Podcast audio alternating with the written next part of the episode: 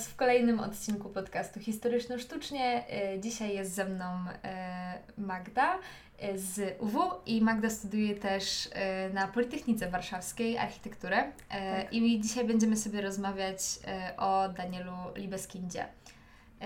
To Magda, tak Witam Cię, cześć. Zacznijmy od tego, kim w ogóle był Daniel Liebeskind. Jakbyś mogła go umiejscowić, opowiedzieć o nim dwa słowa wstępu. Kim jest, bo kim jest, tak, Daniel Liebeskind jeszcze żyje i ma się dobrze. Obecnie jest architektem, posiada swoje biuro architektoniczne, które działa w Nowym Jorku i w Berlinie. Studio Liebeskind.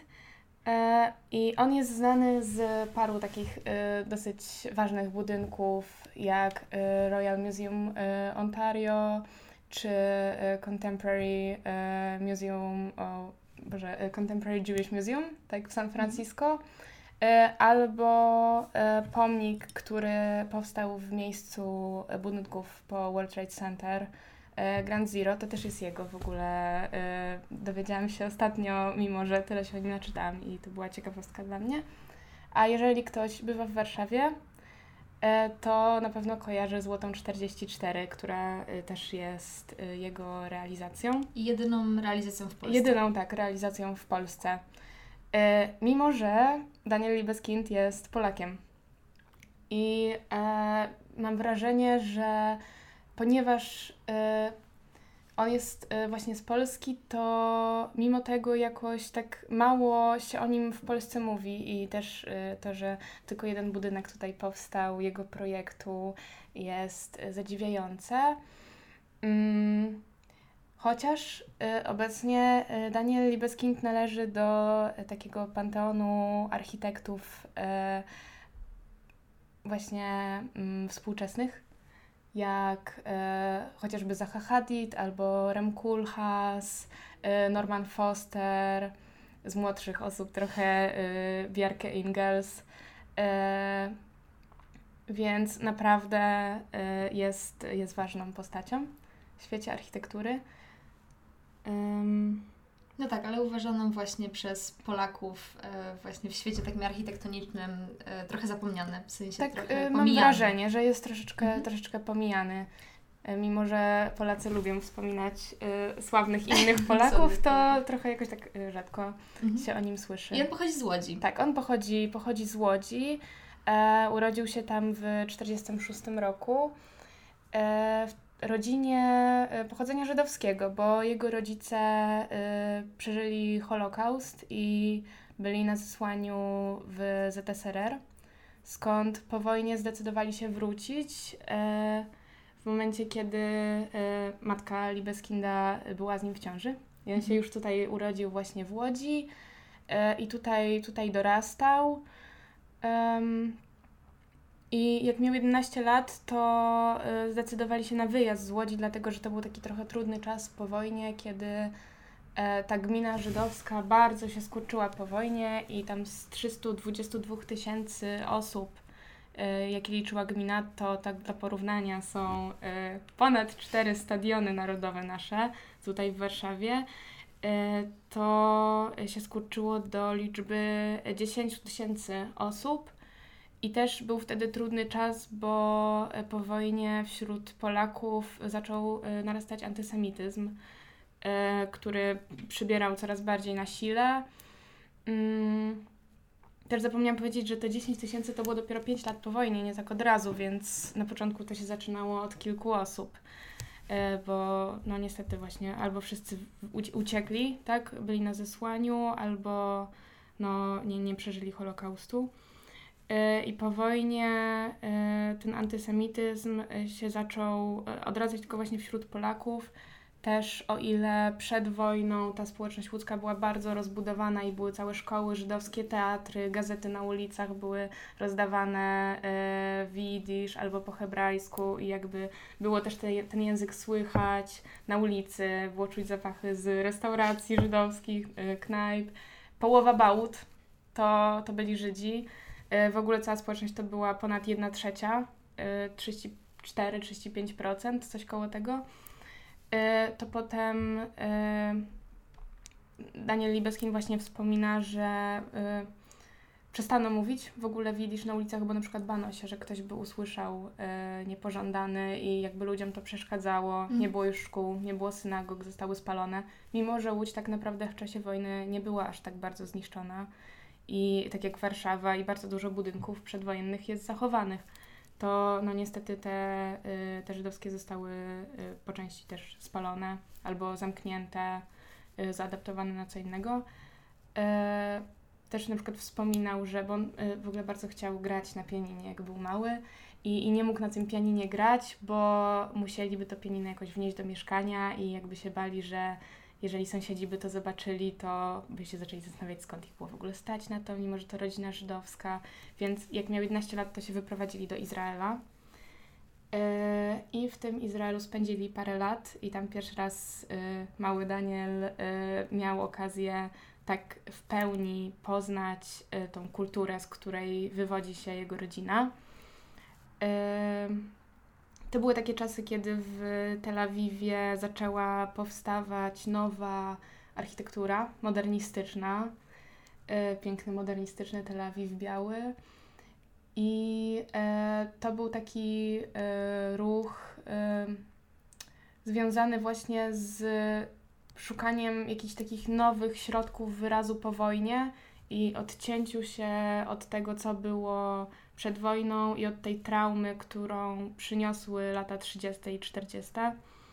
Mm, więc wtedy architekci i w ogóle artyści zaczęli szukać jakichś takich nowych środków, nowych stylów, które jakby nie nawiązywałyby do tego, co było wcześniej.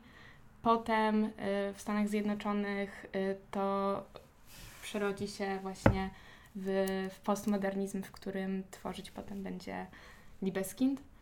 Um, oni spędzili kilka lat w, w Izraelu, ale potem jak e, była taka możliwość, to wypłynęli statkiem do Nowego Jorku, żeby żyć tym swoim e, American Dream, tak jak wtedy e, bardzo dużo osób i, i on tam, tam dopiero w tych Stanach Zjednoczonych i to po wielu latach rozpoczął swoją przygodę z, z architekturą. Tak, bo zaczyna w ogóle od tego, że, że jest muzykiem, prawda? Tak. Y, akordeonistą. Akordeonistą. Y, tak, ponieważ nie mógł mieć pianina, to mógł sobie, mogli sobie pozwolić wtedy tylko na akordeon, więc on grał na akordeonie i przez całe swoje dzieciństwo, nastoletnie lata y, grał był, był muzykiem, który zresztą bardzo dużo osiągnął. Jeździł na konkursy międzynarodowe, naprawdę spotykał się ze sławami e, w, w dziedzinie muzyki. I, I w Stanach Zjednoczonych już, kiedy uznał, że on tak naprawdę osiągnął wszystko, że już nie może być lepszy. Zresztą usłyszał to na jednym. Tak, usłyszał to na jednym z konkursów zresztą. E, że on tak naprawdę już osiągnął wszystko, co można osiągnąć i już lepszy nie będzie, bo się po prostu nie da, to uznał, że e, przyszła pora na zmianę kariery i że przestanie się zajmować y, muzyką i teraz pora na coś innego i powiedział, dobra, teraz, teraz będę robić y, architekturę. Y, I tam poszedł właśnie w latach 70. na Cooper Union for the Advancement of Science uczelnię i, i tam zaczął robić architekturę, tylko że architekturę teoretyczną i przez wiele lat, wiele, wiele lat to była y, tylko i wyłącznie architektura y, teoretyczna. Mm, potem został nauczycielem akademickim i y, uczył może, studentów. Może powiedzmy, co to znaczy architektura teoretyczna, bo myślę, teoretyczna. że... Dobrze. No chodzi o to, że tak, te budynki nie, nie powstają. Nie powstawały nigdy też, nawet nie to, że nie powstawały, bo on nie robił projektów budynków, nie rysował rzutów, przekrojów, y, gdzie ma być łazienka, gdzie kuchnia i tak dalej, tylko bardziej zajmował się y, może filozofią architektury, jeżeli to można tak powiedzieć, takim odpowiadaniem sobie na pytanie, czym ta architektura powinna być, w jaką y, powinna iść stronę, ale to raczej za pomocą tekstów i, i rysunków niż praktycznych projektów. E, I tak przepracował ileś lat, też ucząc studentów, bo, bo został nauczycielem. I dopiero, dopiero w wieku 50, 52 lat doczekał się swojej pierwszej realizacji, jaką jest Muzeum Żydowskie w Berlinie. Mm, I to też y, tylko właściwie dlatego, to było takie spontaniczne dosyć, że on wziął udział w tym konkursie, y, przynajmniej tak jak y, on tak mówi. E, nakłoniła go do tego żona, a wcześniej w ogóle nawet o tym nie myślał za bardzo. E, co mi się wydaje jest e, super sprawą, jeżeli chodzi o e, studentów architektury obecnych, którzy się bardzo boją o swoją przyszłość i jest takie przekonanie, że w wieku 20 lat powinno się już szukać jakiejś pracowni, żeby robić praktyki i e, już, już powinno się iść do pracy, robić konkursy. E, jak widać, można zostać wielkim, znanym architektem e, ze swoich ikonicznych realizacji, mając je dopiero po 50 tak naprawdę, zaczynając robić praktyczną architekturę. Więc to jest pocieszające bardzo. No tak, więc on bierze udział w tym konkursie yy, i, i zabiera ze, ze sobą swoją żonę y, tak. do, do tej realizacji. Przenoszą się do Berlina, mhm. tak, razem. Yy, I cały jakby projekt jest związany bardzo mocno w ogóle, znaczy on wychodzi od tego, że chce, jest związany z tą kulturą żydowską, z religią i chce jakby w tym projekcie y, znaczy no odnieść, no oczywiście to jest muzeum y, żydowskie, tak, ale jakby chce bierze w nim udział między innymi właśnie dlatego, że czuje się w jakiś sposób związany z tą kulturą. Tak, to jest y, jedna z rzeczy, która go nakłoniła właśnie do tego. Y, prawdopodobnie, gdyby to nie było właśnie Muzeum Żydowskie, to y, nie wziąłby w tym y, być może udziału. Y, też ciekawa jest ta taka właśnie granica, gdzie kończy się um, to, co w tym projekcie jest, co odwołuje się do samej instytucji, jaką jest Muzeum Żydowskie, a co jest y, wniesione przez niego y, jako architekta pochodzenia żydowskiego. I y, no tak, wydaje mi się, że ja się tym miałam okazję ostatnio właśnie zająć tym żydowskim aspektem w architekturze tego muzeum ale to, to są cechy, które są w ogóle obecne w całym jego dorobku. I, i, I tak y, spotykamy się z nimi we wszystkich jego realizacjach. Um, i to muzeum w ogóle na początku planowane jest jako część e, innego muzeum i Libeskind naciska na to, żeby powstała osobna instytucja, prawda? Tak, e, to miało być muzeum, e, to znaczy właściwie to są dwa budynki. I pierwotnie to muzeum mieściło się w przeuroczym, XVIII-wiecznym takim pałacyku miejskim. I to jest muzeum miejskie. I ten obiekt, który powstawał, miał być dobudówką do tego muzeum mhm. miejskiego, w którym po prostu przedstawiana by była sztuka żydowska. E, to miała być taka część, jakby jedna galeria wydzielona z tego muzeum, e, ale ponieważ jakby Libeskinowi bardzo zależa, zależało na tym projekcie i um, no bardzo tak e, personalnie do tego podszedł z jakąś tam więzią emocjonalną, to walczył o to, żeby to było osobne muzeum, osobna instytucja i to, to się udało zrealizować. I teraz ten budynek, który powstał, jest taką właśnie przybudową do tego starego pałacyku, ale jest y, osobnym muzeum. Mimo, że wejście znajduje się nadal y, poprzez stary budynek i tak naprawdę do tego nowego nie prowadzą w ogóle żadne drzwi. Tak, trzeba przejść, trzeba przejść przez... y, dołem, tak, pod mhm. ziemią, zagłębić się w korzenie y, Berlina, można tak powiedzieć.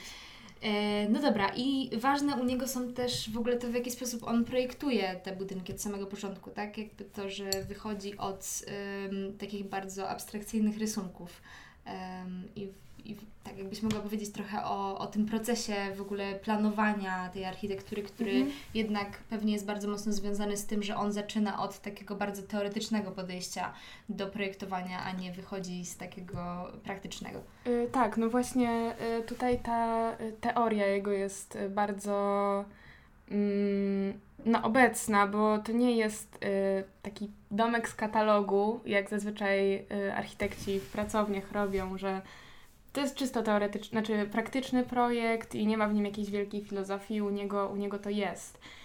I wydaje mi się, że on jest mocno niedoceniany. Nie wiem jak na świecie, przynajmniej takiej opinie spotkałam w Polsce.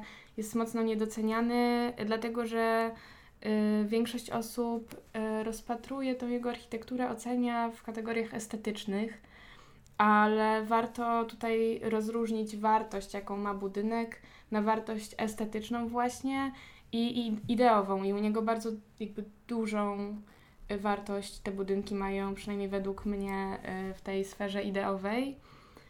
Um, i, i, jakby artystycznej, tak? E, wartości artystycznej dzieła. Dlatego, że w jego projektach bardzo Y, duża jest więź. Y, on w ogóle bardzo dużą więź y, wykazuje z miejscami, w których projektuje, historią tego miejsca, zagłębia się w nią i, i to podejście jest takie bardzo emocjonalne, więc te wszystkie budynki, mimo że wydawać mogą się stylistycznie podobne i nie, jakby ktoś może spojrzeć na nie i powiedzieć, a to wszystko jest takie samo, wszystko jest takie kanciaste i no takie y, postmo, y, można nie być fanem, to y, mimo to te budynki są bardzo unikatowe, bo każdy ma właśnie takie, jest z, takim, z taką troską y, i, i właśnie emocjami jakimiś tam projektowany i y, tutaj super przykładem oprócz tego muzeum w Berlinie jest właśnie Ground Zero y, w miejscu dawnego World Trade Center dlatego że tam powstały takie dwie jakby fontanny. Takie wnęki. Tak, takie wnęki i woda spływa do środka. I jak był ogłoszony konkurs na, na ten pomnik, to y, Libeskind był jedynym architektem, który poprosił y, o możliwość zjechania do takich wielkich dziur, które zostały po odkopaniu fundamentów tych wieżowców Y, I jako jedyny chciał właśnie poczuć y, to miejsce i właśnie zjechać na dół i, się tak y, wczuć w to, żeby łatwiej mu było jakoś właśnie tam projektować, żeby to nie było taka sucha forma, która jakoś tam w teorii mm, odnosi się do historii związanej z tym miejscem, do tragedii, tylko żeby to było takie ideowo-fenomenologiczne, ale bardzo jakby właśnie związane z tym emocjonalnie. No to też się chyba wpisuje w ogóle w taką narrację w ogóle antypomników, e, do tego chyba jeszcze wrócimy później, ale dotyczących jakby jakiegoś braku, e, bo, bo te, te dwie wnęki są, są jakby zrobione w miejscach, gdzie stały tak? Tak, e, tak. Stałe budynki, dokładnie. które jakby zaznaczają no, brak y, tych dwóch budynków, które wcześniej, wcześniej miały tam miejsce. I z tego co pamiętam, to są nazwiska osób, które zginęły gdzieś tam wypisane y, tak, na tej To jest akurat tutaj jest takie połączenie tego antypomnika, o którym wspomniałaś, z zastosowaniem symbolu. Mhm. I to mhm. są dwie cechy dekonstruktywizmu i, i postmodernizmu tutaj po prostu połączone, czyli taki antypomnik e, charakterystyczny dla dekonstrukcji, ten brak reprezentacji i e, postmodernistyczny symbol. Do tego jeszcze wrócimy, mi się wydaje, bo, bo to w tym kontekście Muzeum Żydowskiego w Berlinie będzie, będzie ważne. A jeżeli chodzi, bo pytałaś na początku o cechy projektowania, tak. jakoś trochę zapędziłyśmy. tak, u niego bardzo ważny jest rysunek który wynika z tego, że on przez wiele lat zajmował się właśnie pracą teoretyczną i pracował tylko i wyłącznie na rysunku. Y, w ogóle od zawsze, y, tak jak mówi, lubił rysować i też chciał w ogóle zostać malarzem na początku, ale mama mu powiedziała, że będzie wtedy biedny i żeby y, poszedł, poszedł, w architekturę. Tak, poszedł w architekturę. To, są, to jest taka to, rzecz, którą wszystkie zdolne dzieci słyszą, słyszą, od rodziców, że architektura to jest dobra, dobra droga. No to jest, e, to jest rozmowa na inny, na inny, na inny podcast. Na inny e, podcast, tak. tak, tak. Więc e, ten rysunek jakoś tam zawsze był obecny. I on też pracuje, z tego co mówiłaś, bez komputera tak, w ogóle. to jest ciekawe, że w architekt w XXI wieku z jakby tak wielką pracownią nie używa komputera. Bo Daniel Libeskind y, nigdy nie miał komputera i pracuje tylko i wyłącznie analogowo, czyli z ołówkiem i kartką papieru. I e, właśnie ta kartka papieru i ołówek służą mu jako narzędzie do zadawania pytań, y, które oprócz tego, że jest jakąś cechą obecną w jego architekturze, w filozofii jego architektury, to jest też bardzo obecne w filozofii i w ogóle kulturze judaizmu. Sam aspekt zadawania pytań jest właśnie bardzo ważny w tej wierze, bo on jakoś tam mm, implikuje chęć zgłębiania tej wiary i wiedzy o Bogu, a brak zadawania pytań wiąże się nie z taką bezwarunkową wiarą, tak jak byśmy to powiedzieli może nie wiem w kościele rzymskokatolickim, tylko to, to zwątpienie w Boga mm, to jest y, próba właśnie przyznania się do tego, że czegoś nie wiemy i wykazania takiej pokory przed Bogiem. Mm. Więc to pytanie jest bardzo obecne w tej kulturze i religii. I też e, właśnie wśród naukowców różnych żydowskich jest. E, zapomniałam teraz nazwisko.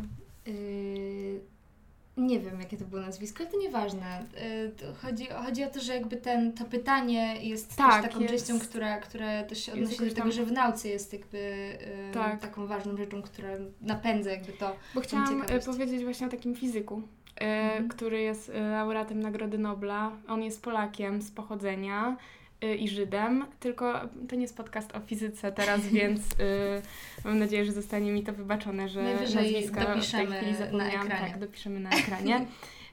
I on właśnie mówił, że został naukowcem tylko i wyłącznie tak naprawdę dlatego, że w dzieciństwie tak to w nim zostało zapisane, że e, codziennie wracał ze szkoły i właśnie matka się go pytała, która była Żydówką, nie czy dobrze się uczył tego dnia, czy, czy był grzeczny, tylko pytała się, czy zadał dobre pytanie. I to w nim tak zostało, e, to podejście właśnie do życia, że jakby zdecydował się na zostanie, jakby na karierę naukowca, bo to właśnie na tym się opiera kariera naukowca, no i jak widać też archi dobrego architekta, y, tak, y, na zadawaniu pytań właśnie na zasadzie co by było gdyby, co by było gdyby tą ścianę przesunąć o 5 metrów, a co by było gdyby w ogóle wyrzucić wszystkie okna, a co by było gdyby te okna były na całą ścianę. To są takie bardziej pragmatyczne, yy, podałam przykłady, ale w momencie, kiedy doprowadza się to do ekstremów, to, to może dać właśnie takie efekty jak u Libeskinda.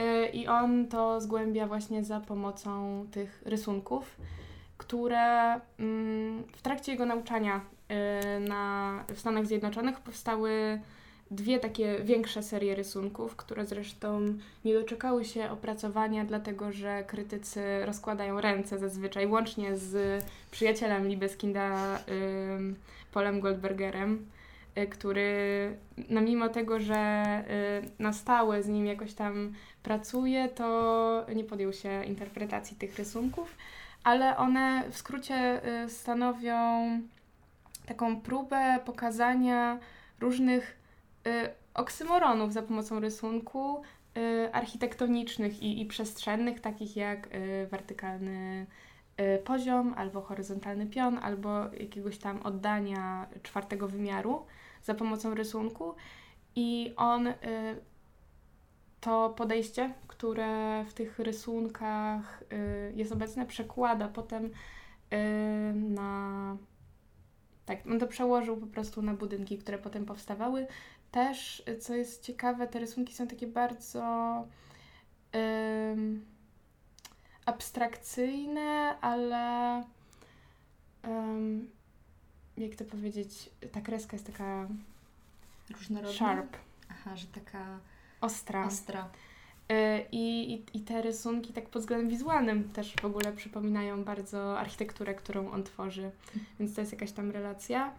I... To ja tylko dodam mhm. tutaj, że jeśli nie wrzuciłam tego na ekran, to na pewno wszystko znajdziecie w opisie odcinka, na pewno na YouTubie. E, więc jak ktoś jest zainteresowany, to też um, będzie skrócona bibliografia, jeżeli kogoś zainteresował temat, ale też na pewno obrazki e, tego, o czym Magda tutaj opowiada. Tak. Dostarczę e, obrazków, bo to jest e, ciężko dosyć sobie wyobrazić, więc myślę, że, że będą potrzebne. E, no i to była taka pierwsza cecha e, jego architektury, którą um, jakoś tam udało mi się znaleźć i powiązać z, z tą religią żydowską. Um, i, i tym, co on właśnie wnosi do architektury ze swojego pochodzenia.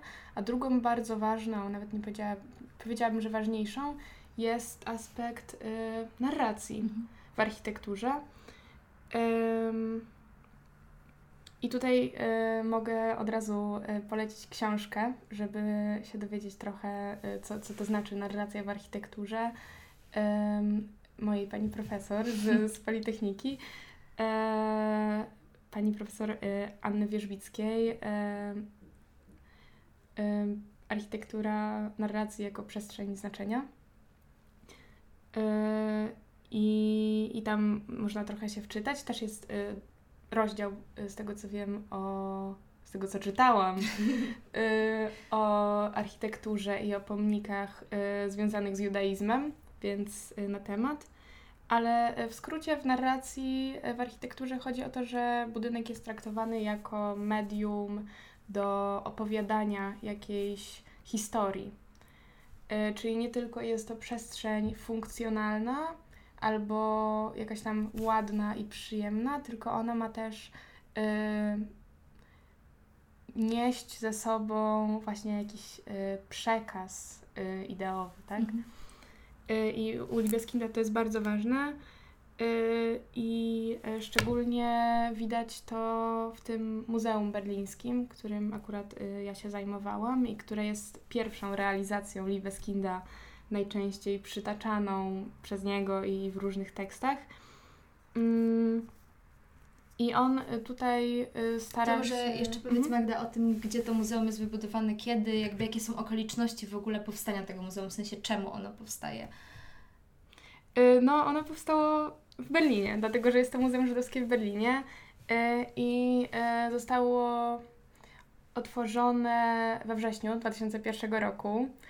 E, a zaczęto je budować w latach 90.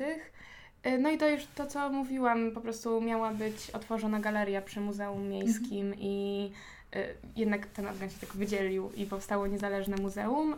Ono jest przy... Um, on jest na berlińskim Kreuzbergu, żeby tak dokładniej powiedzieć.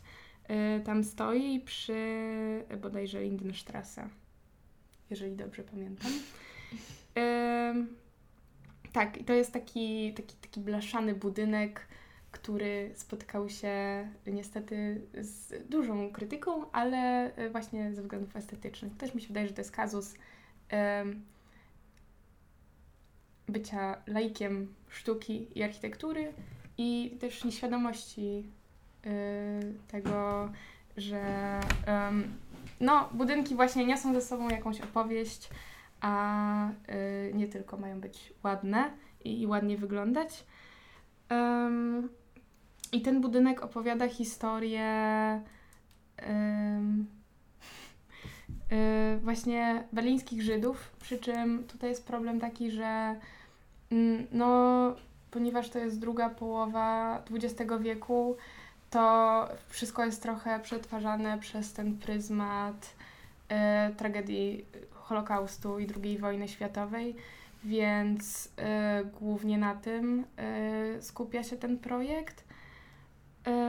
I tutaj różne środki zostały y, zastosowane, bardzo różne, w ogóle ich jest mnóstwo, jak się w to zacznie wgłębiać, do właśnie opowiedzenia tej historii, bo to są środki i e, takiego detalu architektonicznego i zastosowania jakiegoś symbolu, i sposobu kreacji w ogóle całej przestrzeni, tego jak człowiek się czuje w środku, ale też y, urbanistyczne, bo sam y, plan budynku opiera się na zdekonstruowanej gwieździe Dawida, która jest wyznaczona przez osie y, łączące różne ważne dla kultury żydowskiej miejsca w Berlinie.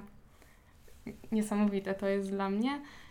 Y, takie jak na przykład właśnie miejsca związane z innymi architektami żydowskimi, takimi jak Mies van der Rohe, albo y, z Eisenmanem, z, z poetami żydowskimi, z Einsteinem, jakby różne postacie takie. Po drugie, właśnie to, o czym wspomniałam, czyli ten symbol, na przykład.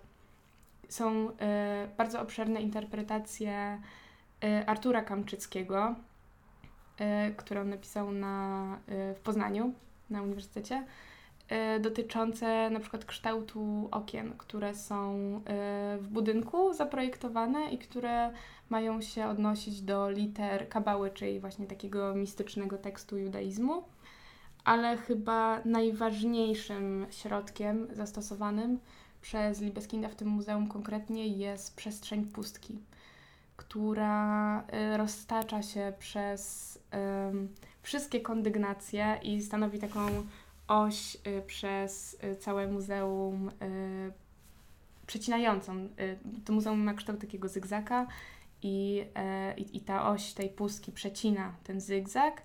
I to są takie przestrzenie, które po prostu są w żaden sposób niedostępne dla zwiedzających, co jest bardzo nieekonomiczne i w ogóle inwestorzy bardzo mocno protestowali.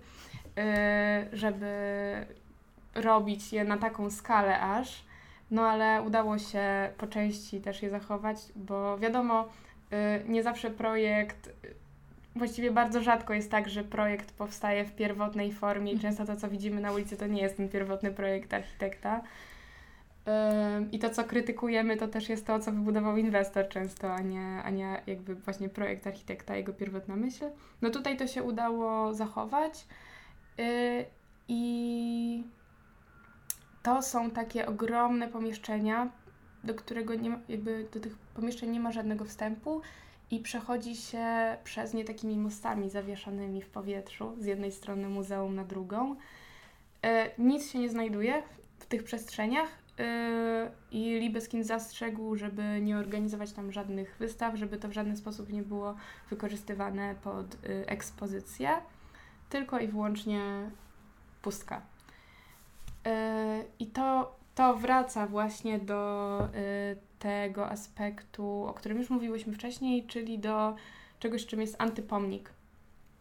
E, bo tutaj, mimo że Libeskind ma pochodzenie żydowskie, to nie czuje się na tyle, nie wiem, autorytetem, albo nie chce brać odpowiedzialności za narzucanie jakiejś tam narracji i interpretacji tragedii, jaką był Holokaust, y, reszcie społeczeństwa, bo tak naprawdę to robią architekci. Jeżeli budują jakiś budynek to i prowadzą właśnie narrację, to oni w jakiś sposób narzucają interpretację y, tego, do czego się odwołują. On tutaj stara się tego uniknąć i dlatego stosuje tę przestrzeń pustki, która jest takim antypomnikiem, ale oprócz tego odwołuje się bardzo mocno do jego prywatnych doświadczeń jeszcze z dzieciństwa z Łodzi. E, z tego czasu, kiedy właśnie stamtąd pochodzi ta anegdota o pianinie e, i wtedy, kiedy przestano mówić właśnie na ulicach Widzisz i się bano mówić tym językiem, E, kiedy był bardzo duży antysemityzm, bo mimo, że Libeskind urodził się już po wojnie, to bardzo mocno było czuć wtedy tą taką pustkę właśnie po czymś, e, czego on już nigdy nie zdążył poznać, tęsknotę po czymś, czego nie poznał. E, I, I ten właśnie taki brak całej społeczności, która została po prostu w trakcie wojny no, eksterminowana. Um, i, I mówi, że to było tak ogromne, jakby przytłaczające uczucie, że w momencie, kiedy przyjechał do Berlina projektować to muzeum, to po prostu poczuł to, że to jest to, co on w tym muzeum musi zrobić, mhm. żeby jakkolwiek móc oddać, um, wyrazić szacunek dla historii i, i tych ludzi i y, właśnie dokonać takiej trochę reprezentacji przez tak naprawdę brak reprezentacji, re, reprezentacji, mhm. przepraszam. Um, I więc to jest trzecia taka cecha już konkretnie związana z tym muzeum, e, która no jakoś tam wynika z, z jego y, żydowskiego pochodzenia. I to jest właśnie o tyle fajne, że w tym muzeum obserwujemy to, że mm, on wnosi tam bardzo dużo swojego takiego właśnie podejścia związanego z jego biografią, a nie tylko takiego suchego odwołania się do mhm. czegoś, co przeczytał o, kulturze żydowskiej albo jakiejś ikonografii znanej tak naprawdę, co mógłby zrobić każdy architekt. Dlatego uważam, że ten budynek jest wyjątkowy. Trochę zabrzmiało to jak rozprawka, jak koniec rozprawki. E, a pamiętasz może y, coś na temat innych projektów, które były zgłaszane do, do konkursu e, na ten budynek? W sensie, czy to na przykład były też projekty mm, żydowskich architektów? E, nie udało mi się dotrzeć, co prawda, do archiwów, mimo że. No dobra, nie będę kłamać, po prostu nie ma ich w internecie. ale szukałam, bo znalazłam parę nazwisk. Większość to byli jacyś tacy właściciele mniejszych pracowni z, z Berlina i też z tego, co czytałam albo słuchałam jakichś wspomnień Libeskinda, y, jak on przyjechał tam na y, pole, na plac budowy i, i było pierwsze spotkanie, gdzie oni oprowadzali ich po miejscu, w którym ten budynek będzie powstawał, to że reszta osób miała to podejście takie czysto praktyczne. Yy, właśnie, gdzie będą łazienki, gdzie będzie recepcja, gdzie się będzie wchodziło do budynku, więc yy, on tutaj się wykazał takim właśnie jakąś tam oryginalnością yy, pod tym względem. I trochę większą taką chęcią eksperymentu i pewnie zrobienia czegoś takiego trochę mniej um, konwencjonalnego. Klasycznego, tak, tak, konwencjonalnego. E, no dobra Magda, chyba powiedziałyśmy mniej więcej wszystko to, co, tak. to, co planowałyśmy. E, dziękuję Ci bardzo, było mi bardzo miło i mam nadzieję, że się jeszcze zobaczymy tutaj. E, też mam taką nadzieję, było bardzo miło.